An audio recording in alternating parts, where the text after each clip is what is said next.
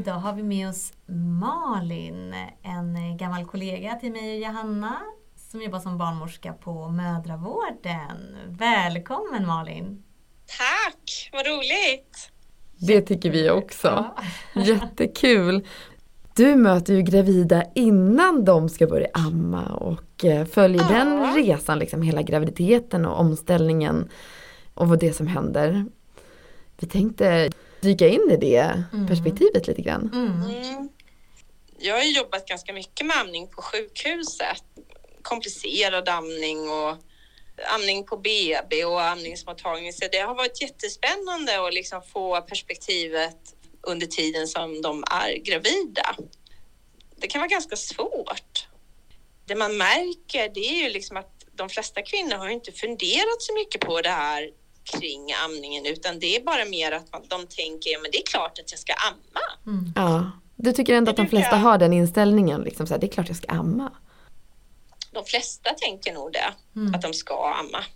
Mm. När vi skriver in patienterna då, om man tänker från omföderskans perspektiv, så frågar ju vi alltid så här, hur var din tidigare amning?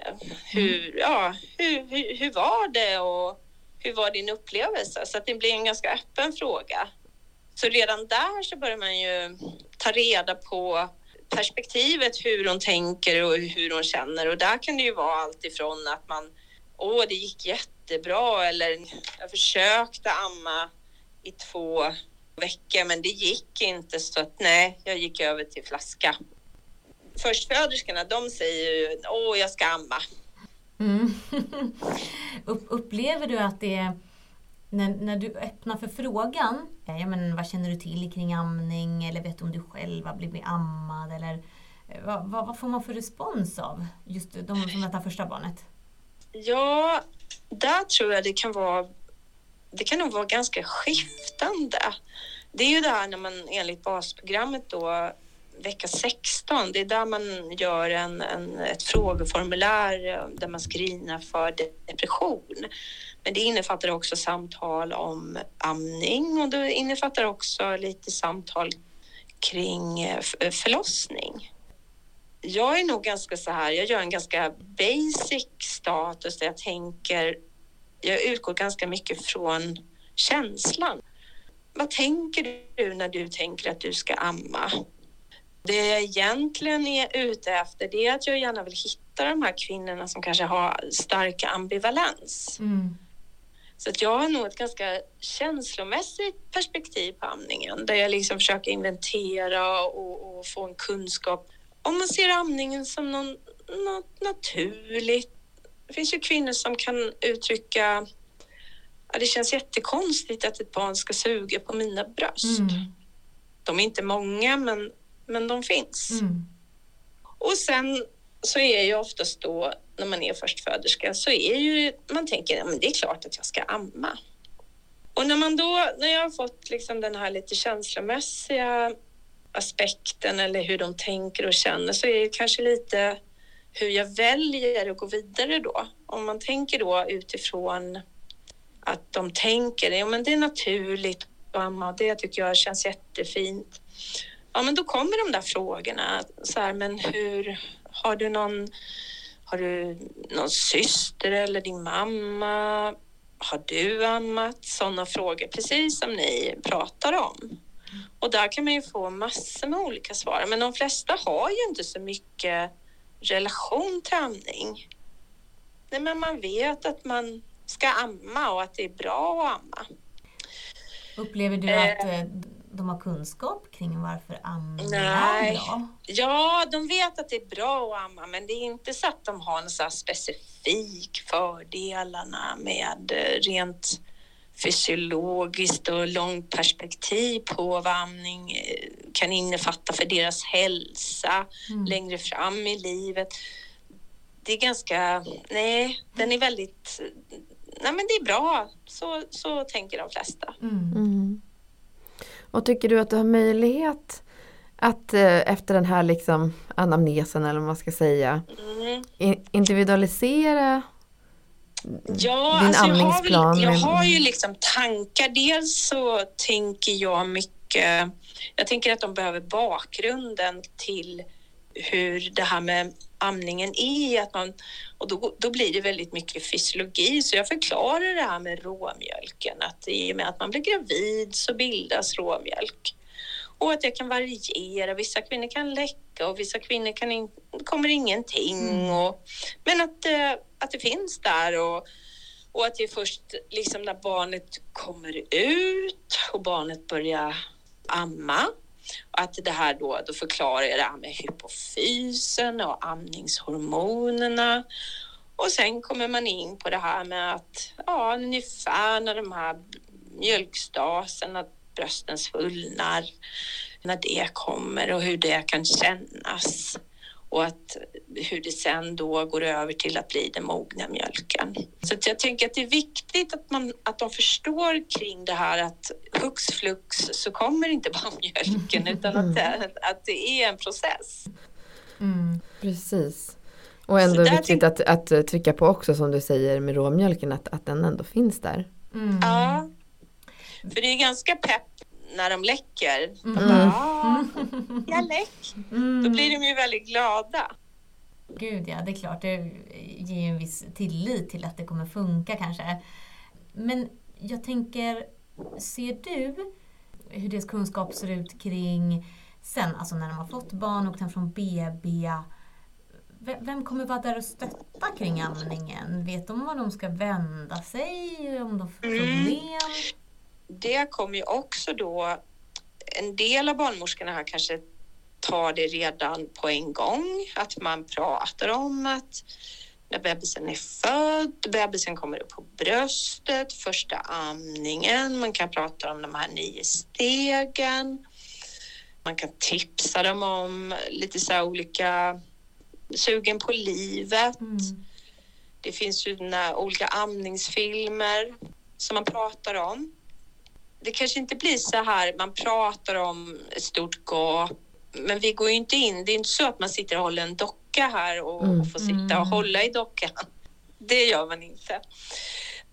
Det som är lite så här när de då kommer tillbaks på efterkontrollen, det är ju det här att har de en bebis som har tagit bröstet på förlossningen direkt och de, de kan väl ha haft en del smärta, de kan väl ha haft kanske lite sår, men det har varit ganska övergående. Där ser man ju att det funkar, fun alltså det funkar väldigt bra. Mm. Men de här då som det har börjat trassla för, där man ser amningsnapparna, man ser tillmatningarna, då är det ju så att nej, det är oftast då delamning. Mm. Och har man då, vi brukar ju oftast uppmuntra till att man har flera efterkontroller och då frågar man ju vid varje tillfälle det är ju tyvärr många som sen har lagt ner då, för de ger upp. Upplever du att det är särskilt när de här grejerna kommer in ja, tidigt? Gud, ja. Eh, alltså jag tänker redan på BB kanske, tillmatning och amningsnapp och så. Exakt, exakt så. Mm. Att det är mm. svårt att komma därifrån. Mm. Mm. Sen är det ju så här då att då berättar man ju, man berättar ju också då under graviditeten att ja men på BB man är där, man får stöd, råd, det, man kommer till eftervårdsmottagningen som också är en checkpoint och också amningen är en, en, en del. Och sen berättar man ju också då om att det finns amningsmottagningar och så ger man telefonnummer så att de ska ha det in case of. Och, så att man ger ändå ganska mycket information för att de ska veta om var de ska vända sig och mm. även amningshjälpens eh, att de finns. Mm, Stöd andra kvinnor som, som man kan ringa. Och jag tänker den här informationen som du pratar om nu, den, jag håller med om att den låter ganska grundläggande men det, det är någonting som ni pratar om flera gånger under graviditeten, kommer det i slutet, i tidigt, är det olika? Gör barnmorskor lite som man vill eller finns det tydliga riktlinjer för hur man går tillväga? Eller? Det, det finns ju basprogrammet som tar upp och om man, sen, man, man tänker då vecka 16 och sen så återkommer ju det här lite beroende på om man är eh, omföderska eller förstföderska, antingen vecka 35 eller vecka 37 där man då gör en, en sammanfattning och en, en typ av planering. Det kan ju vara väldigt basic. Patient planerar att amma. Mm. Jag vill också berätta någonting som är ganska nytt också. Som, vi håller ju på med de har ju startat upp sedan några år tillbaka att man har förlossningsrädsla-samtal här på barnmorskemottagningarna med förlossningsrädda, alltså ungefär som Aurora fast det är som Aurora light. Så att de mm. svåra förlossningsrädsla patienterna kommer ju fortfarande till Aurora. Men nu är det så att man också har startat upp amningsstödsamtal. Så att när vi wow. då till exempelvis har på inskrivningen att en kvinna som har en dålig upplevelse av sin amning men verkligen vill amma, då berättar ju vi att det finns möjlighet att komma till en av det finns två barnmorskor där jag jobbar som har sådana stödsamtal kring amning. Och då är det ja, en tid på 45 minuter som, som man bara pratar amning. Men gud vad bra! Det här låter helt magiskt och det här är inte bara hos er, det här är mödravårder... Övergripande va? Ja, det här är någonting som erbjuds på alla barnmorskemottagningar, alltså, i alla fall som tillhör SLSO. Mm. Mm. Sen hur det är på de privata barnmorskemottagningarna, det vet jag faktiskt inte. Nej. Men fantastiskt. När började ni med det här? Började med det kanske för ett år sedan. Mm. Det låter ju verkligen jättepositivt. Mm. Absolut, gud, hade ingen aning det finns så mycket bra som händer som är i rullning. Det känns som att det kanske saker och ting måste jobbas in så mycket för att man ska bli, bli varse och för att folk ska ha kommit in i nya arbetssätt och sådär.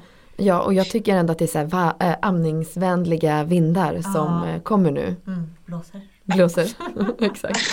Ja, absolut.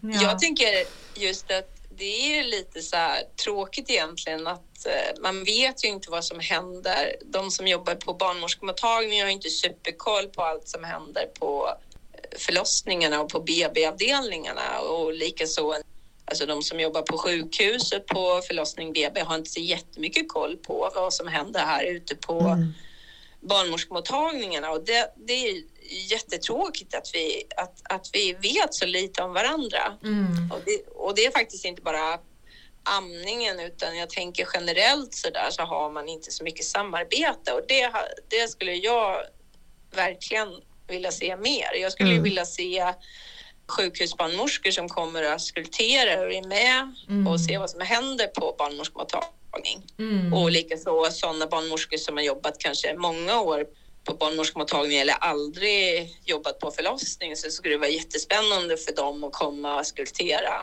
och vara med på förlossningen och på BB mm. för att få mm. allas perspektiv. Mm, absolut, likaså eh, BVC och eh, efter, precis, precis där, eh, tiden därefter också. Mm. Där kom vi till min stora chock då när jag började här på, på min barnmorskemottagning. Att, eh, helt plötsligt hux flux så var ju amningen utlagd på amningsmottagningarna, att BVC tog över. Mm. Och att amningsmottagningarna på sjukhusen stängdes ner. Och det där var ju för mig helt obegripligt. Mm. Jag, kände mig, alltså jag var faktiskt, och det blev så påtagligt när jag kom hit till BMM då, när jag liksom bytte jobb från sjukhuset till barnmorskemottagningen att för mig kändes ju det jättekonstigt. Vad ska de där och göra? Amning är ju... Jag är barnmorska, det ingår i min, i min mm. yrkesroll mm. Hålla på med amning. Men efter ett tag så såg man ju också de har ju gått jättemycket utbildningar och jag har ju liksom uppmuntrat patienter som har kommit till mig på efterkontroll som har trasslig amning boka tid på amningsmottagningen. Mm. Och sett då, jag kanske har träffat på dem när de sitter i väntrummet och väntar på att komma in till BVC.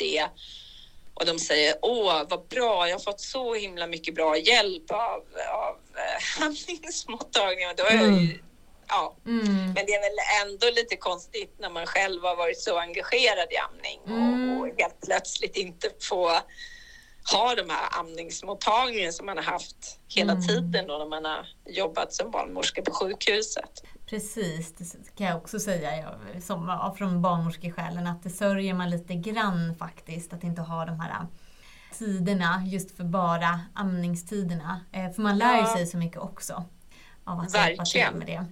Men eh, det som du säger, de har ju också fått mycket specialutbildningar. De BVC-sköterskorna som jag förstår det, de som har, eh, på amningsmottagningarna, de är ju, har ju gått den här vidareutbildningen inom amning och så. Så de har Mm. ju mycket kompetens. De är duktiga, verkligen. Så att, ja.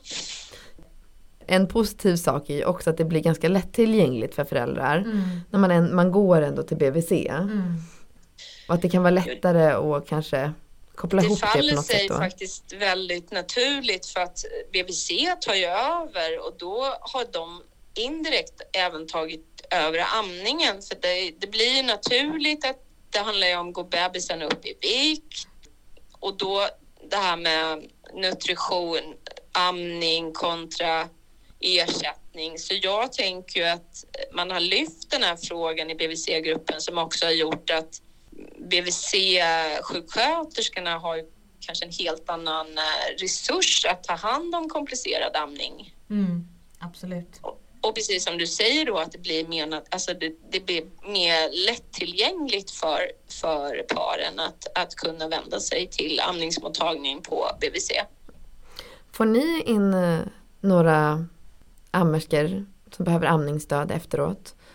Nej, alltså då hänvisas ju de till amningsmottagningen men självfallet om det faller sig så att man har en efterkontroll och det ingår ju i efterkontrollen att ändå fråga om amningen. Så då kan det ju vara så att de passar på att fråga oss också. Och då är det klart att man jackar i det och försöker ge den informationen eller det stödet som, Mm. de, som de efterfrågar. Tycker du generellt sett att Ja men liksom när, när du känner att du haft, följt en kvinna under graviditeten och hon föder barn och hon kommer tillbaka på efterkontrollen. Tycker du ofta att du kan känna att ni borde ha fokuserat på amningen på ett annat sätt under hennes graviditet eller brukar du reflektera någonting sånt? Ja, och det är väl kanske inte så, så roligt liksom, för det, kontentan blir att jag känner att vi har, att det finns inte tid. Det är väldigt Mm. svårt för det är så mycket som ska ske som graviditetsrelaterat. Så det finns inte så mycket tid för att djupdyka i amningen och det är väl Mm. därför också de här amningsstödbarnmorskorna har kommit till. Mm.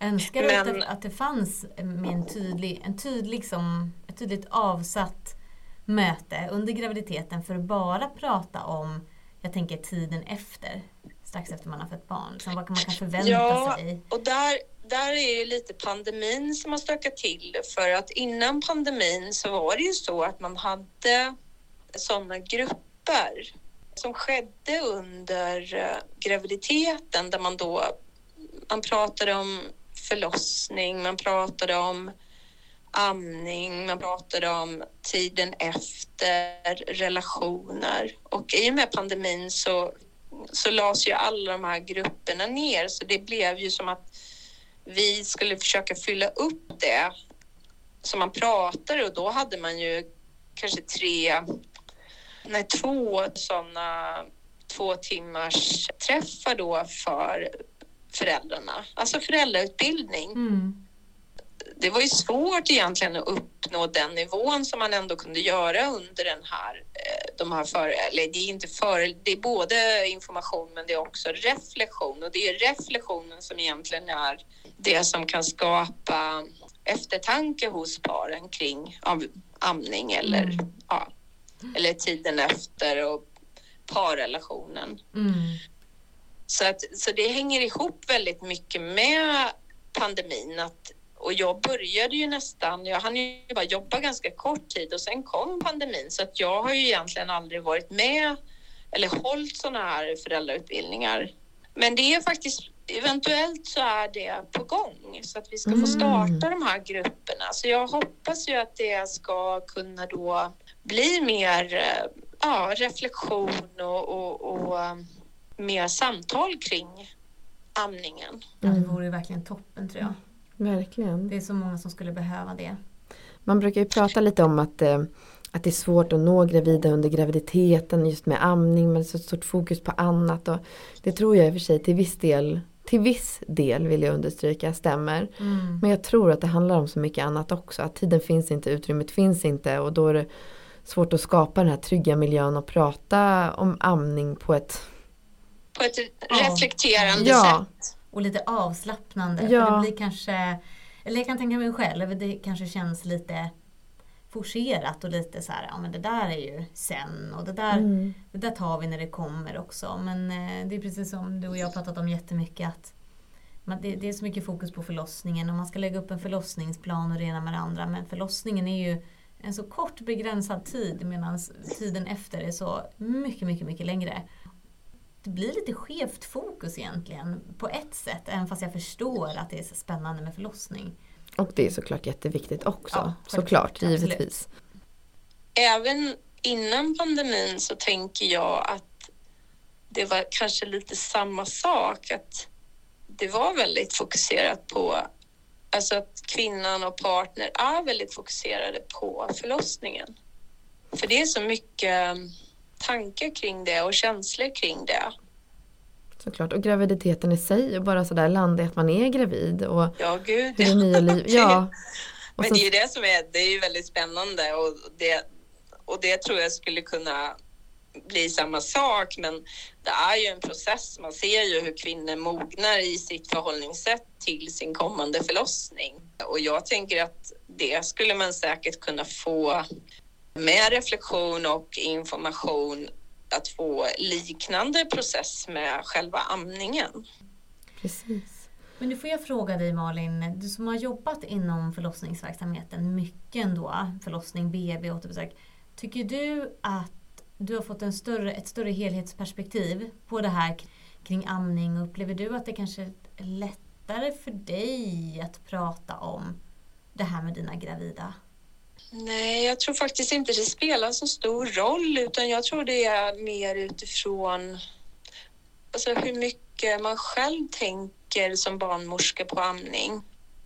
För jag har ju kollegor här som har jobbat många, många år inom barnmorskemottagning som är helt fantastiska just kring hur de ger information och hur de försöker få paren att reflektera. Så att jag Mm. tror det handlar återigen kanske också lite om intresse.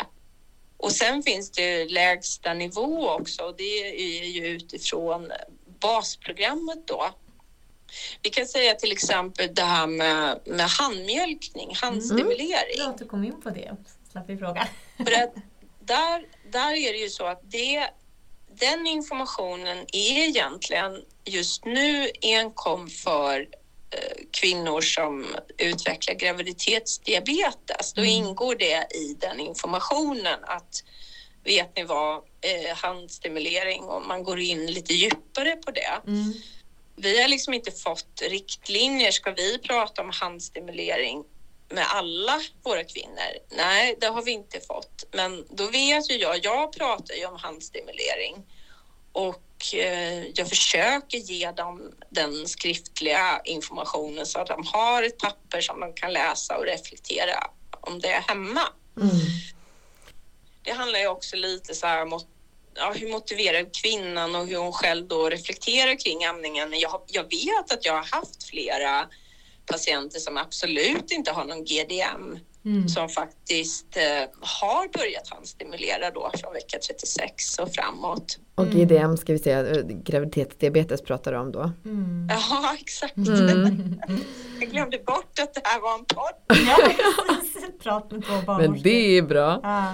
Nej men precis för att det är Många studier är ju baserade just på mammor som har diabetes Mm. för att de barnen har en ökad risk och behöver eh, Behöver ofta lite extra Mat. mat, Mm, precis. De kan få lågt blodsocker efter Mm, födseln. mm. Men, men Malin, de kvinnorna som inte har graviditetsdiabetes och ni har pratat om handstimulering, har du fått någon feedback sen på det? Alltså om det har hjälpt dem eller får du någon? Ja, några enstaka så som faktiskt har sagt att åh vad bra det var. För det tycker Eh. nämligen jag på BB. Alltså jag, jag upplever de som som säger sig, säger sig då ha handstimulerat ja, ett par veckor eller mindre, mer eller mindre, ett par veckor plus minus är så himla glada för de har ju oftast sett liksom att det finns lite råmjölk. De har ju oftast sett något, något tecken på att det har hänt saker i brösten.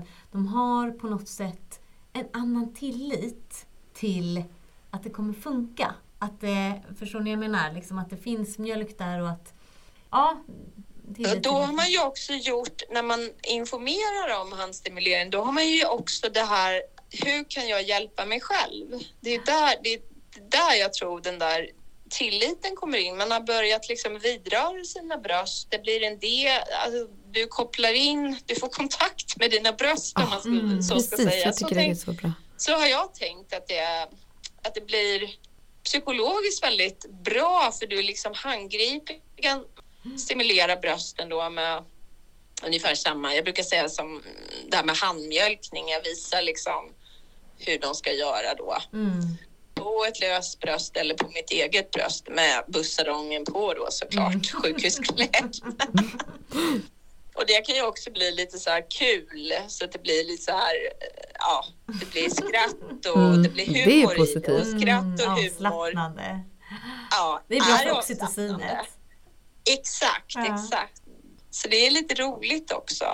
Det är som du säger, det finns ju ganska mycket evidens för det här med, apropå det här med kontakt med sin kropp att stimulera brösten, det kan ju bidra till sammandragningar under graviditeten. Du säger inte att alltså, det är inte sammandragningar som i förlossningsverkan, mm. men, men ändå att man, du har den kopplingen. Du har den så här, du stimulerar brösten och så händer det någonting i livmodern. Det är ändå rätt häftigt. Mm. Mm.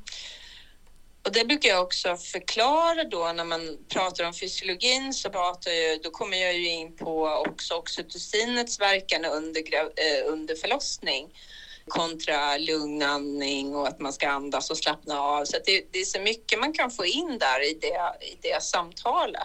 Så jag kan även halka in på förlossningsfysiologin också. Så att helt plötsligt så har jag haft en hel före, eh, inte föreläsning, men samtal om oxytocinets fantastiska eh, möjlighet. Det finns ju liknelser där. Mm. Att föda barn och amma, liksom mm. hormonellt och så. Absolut. Det är inte så lätt när kvinnor som har trasslig amning på BB och barnmorskan säger men du måste vara lugn. Nej. Den är inte så bra Nej, kanske. Exakt. Jag tänker ju att mm. amning är väldigt laddat ämne för många kvinnor. Alltså det handlar väldigt mycket om kroppen. Mm. Och det kan också vara det handlar inte bara om amningen och vaginala undersökningar, det ska komma ut ett barn. Jag tänker mycket det här kring så här bristningar också. Mm. Hur obehagligt och jobbigt det kan vara för en kvinna. Man känner liksom, man har smärta, det är ett tryck, det är en svullnad. Man, liksom, man vågar inte vidröra. Mm jag tänker lite samma tanke där, att bröststimulering, det här handgripliga, man får kontakt med sina bröst. Det är ungefär samma sak som jag alltid pratar om när jag jobbat på BB, att försök att våga ta, ta handen och, och känn och, och tvätta av försiktigt så att du får ta tillbaks kontrollen över mm. din, din, din snippa igen. Mm, mm. Verkligen. Och det är väl det som också kan vara lite så här när man inte har hunnit reflektera kring amningen, det är just det där då när det inte fungerar. Det är då det här blir så överraskande för kvinnorna, tänker jag. Mm. Om jag tänker hur det kan vara på BB, att det blir så svårt. Mm. Ja, och jag tänker på det här med bristningar också. Hur, att det är svårt för att man har nyss fött barn, nu pratar jag liksom första tiden sedan man fött barn, man kanske har haft en bristning, kanske till och med en större bristning, man kan ha väldigt ont, att amningen första dagarna är ju är påverkat av mer än bara brösten och barnet. Mm. Det är ju påverkat av det man har varit med om under förlossningen. Eftermälet, mm. ja. precis. Ja, det är många saker. Det är väldigt, man är väldigt sårbar under den. Mm. Och där är jag just utifrån perspektivet att jag ändå har jobbat ganska mycket på BB, jag har jobbat på eftervård och amningsmottagningen, hur varsamt vad, vad ord kan skada, hur man formulerar sig, hur man bemöter jag brukar tänka att ord är makt. Man har sån oerhörd makt mm. och hur man lägger orden och vad man säger, hur det bara liksom går rakt in i dem, mm. rakt in i själen. Ja. Det kan bli så fel. Och man är så hemskt mottaglig för allt. Ja. Där i början. Ja, men man är så sårbar mm. och man är så öppen och naken och det är så ens kropp har blivit så alltså förlossningssammanhang, det är liksom bröst, alltså det är så mm. naket, både liksom naket, naket på riktigt, men det är också väldigt naket själsligt. Mm. Liksom. Man är så mm. i händerna på, på de människorna som man möter. Mm. Och det tänker jag är så viktigt att ha med sig det perspektivet när man arbetar med kvinnor, kvinnosjukvård. Och det kan jag nästan ibland kan tycka är så här lite läskigt och jobbigt för man tänker att det är så mycket, jag har så stor makt att kunna påverka hur de kommer uppleva sin amning, hur de kan uppleva sin förlossning. Precis. Min upplevelse är att man ofta är så ganska oförberedd på ganska mycket. Dels amningen, dels förlossningen, dels hur det kan kännas i kroppen efter en förlossning. Dels hur det är att ha blivit förälder precis. Att mycket, mycket känns så hemskt nytt och ibland till och med lite chockartat nytt för att man helt enkelt bara inte var beredd på det. Det behöver inte ha hänt något speciellt men man var inte beredd på allt det här som skulle hända. Mm. Och då tänker jag nu när vi pratar med dig Malin, mödravårdsperspektiv och det är så himla himla stort uppdrag. Mm. Så att jag är ju egentligen inte alls förvånad att det är helt omöjligt nästan känns det som att man ska kunna förbereda för allting. Och inte nog med det, det största uppdraget är ju bara liksom här och nu och kontrollera graviditeten hela tiden. Mm. Och um, mm. riskbedömna, upptäcka avvikelser mm. och så vidare. Att, att det blir svårt att uh, förbereda för de här sakerna som komma skall för att det är mycket här och nu. Mm. Men också för att det är svårt, hur, hur förbereder man? Mm. Det är ju hur svårt som helst för man vet ju aldrig hur det kommer bli. Nej. Det är som ett oskrivet blad. Mm. Det vet vi, vi, vi vet ju, vi kan inte kontrollera förlossning, vi kan inte kontrollera vad som händer, vi kan heller inte kontrollera hur det går med amningen. Nej men alltså inget går att kontrollera liksom. Det, men där, för mig så är det som att jag, det, det är det som är, alltså lägsta nivå medicinsk säkerhet. Mm. Men jag tänker att min roll som barnmorska är så mycket större. För det handlar om en, en själ och en hjärna liksom. Mm. Om man nu ska, ni förstår vad jag menar va? Ja. Mm. Så det är, det är där violinspelet kommer in. Det är där min yrkesskicklighet, vem är det jag har här? För ibland mm. så är det ju så här att vissa kvinnor är bara här och nu. Nu är det det här med att jag har jätteont i mitt bäcken, det är det som är det jobbiga. Mm. Eller jag är förstoppad av järnet. Mm. Det kan vara jättesvårt att få en sån kvinna att tänka så här, förlossning, mm. okej. Okay. Eller andning, okej. Okay. Man, man kommer inte fram.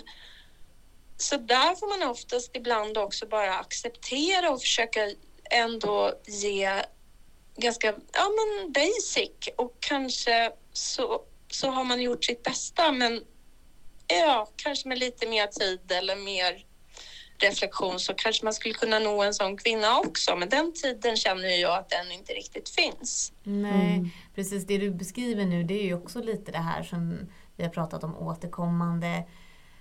Att man behöver möta personen där de är. Mm. Det är precis, tänker jag, det du säger också. Och det är det vi har pratat om. Och det har vi också fått lite det här den här finkänsligheten som du beskriver så fint Malin, hur, hur vi har också fått det återkopplat till oss faktiskt även genom eh, gäster i den här podden, hur viktigt det är bemötandet, bemötandet från oss och hur mycket det kan skada och stärka såklart. Mm. Men vilken Mm. otrolig makt vi har, vilket man ju oftast glömmer. Som du säger, väga sina ord. Det är inte alltid så himla lätt heller. Nej, och ur ett barnmorskeperspektiv hur, det, hur, hur ett, en dag kan se ut på Precis. BB till Mm. exempel så, så kan ju det vara väldigt svårt. Mm. Men det och, det, och där tänker jag också, det, nu när jag, jag har ju jobbat så pass många år som barnmorska, så där ser man ju också den här utvecklingen som man ser hos kollegor från att vara ganska ordag, alltså man tar allting väldigt så här ordagrant, man, inform, man går efter, man informerar, men man uppfattar inte om kvinnan och paret förstår, utan man, man har sagt det som ska sägas Mm. En kvinna säger omföderska, jag, vill, jag ska amma men jag vill också ge ersättning. Jag har planerat så. Och att man då kan bli bemött att nej men det, du vet väl det här och det här om amning. Och kvinnan egentligen har jättemycket kunskap men hon står fortfarande fast vid att nej men jag, jag ska delamma, det är så jag har planerat. Mm. Och och då ser man det här tycker jag. Det- Det tycker jag är jättespännande liksom hur, hur man liksom man bygger på sin, sin erfarenhet och ju längre tid man jobbar egentligen som barnmorska så utvecklas det här violinspelet där också ödmjukheten kommer in. Där man då liksom lär sig liksom, ja men hon vill ge ersättning, ja men då är min uppgift att tillhandahålla att hon får göra så. Mm. Absolut. Så det tycker jag är väldigt spännande med att se ja, en barnmorskas utveckling. Mm. Ja. För det är ju syner som sist och det ska man ju vara väldigt medveten om att kvinnor kan verkligen, ja men de bara ja, ja, ja, ja och sen kommer de hem så gör de precis som de själva vill. Mm. Mm. Precis. Mhm. Precis, Och det är ju viktigt att det är stötta nästan dem i det som de vill. också. Så just, just det här hur man ger information och vad, att det alltid blir utifrån kvinnans önskemål. Mm. Och där tycker jag det är egentligen det- det svåraste som jag tycker har varit eh, det här när man sitter på en komplicerad amning på återbesök, ja, kanske inte återbesök, mer amningsmottagning. Att det faktiskt är, hon säger att hon vill amma men egentligen säger hon, jag vill inte det här mer, jag orkar inte det här Mm. mer. Att ha då den eh, förmågan att kunna se det och Mm. säga, vet du vad, du behöver inte amma. Och, och att göra rätt där då. Mm.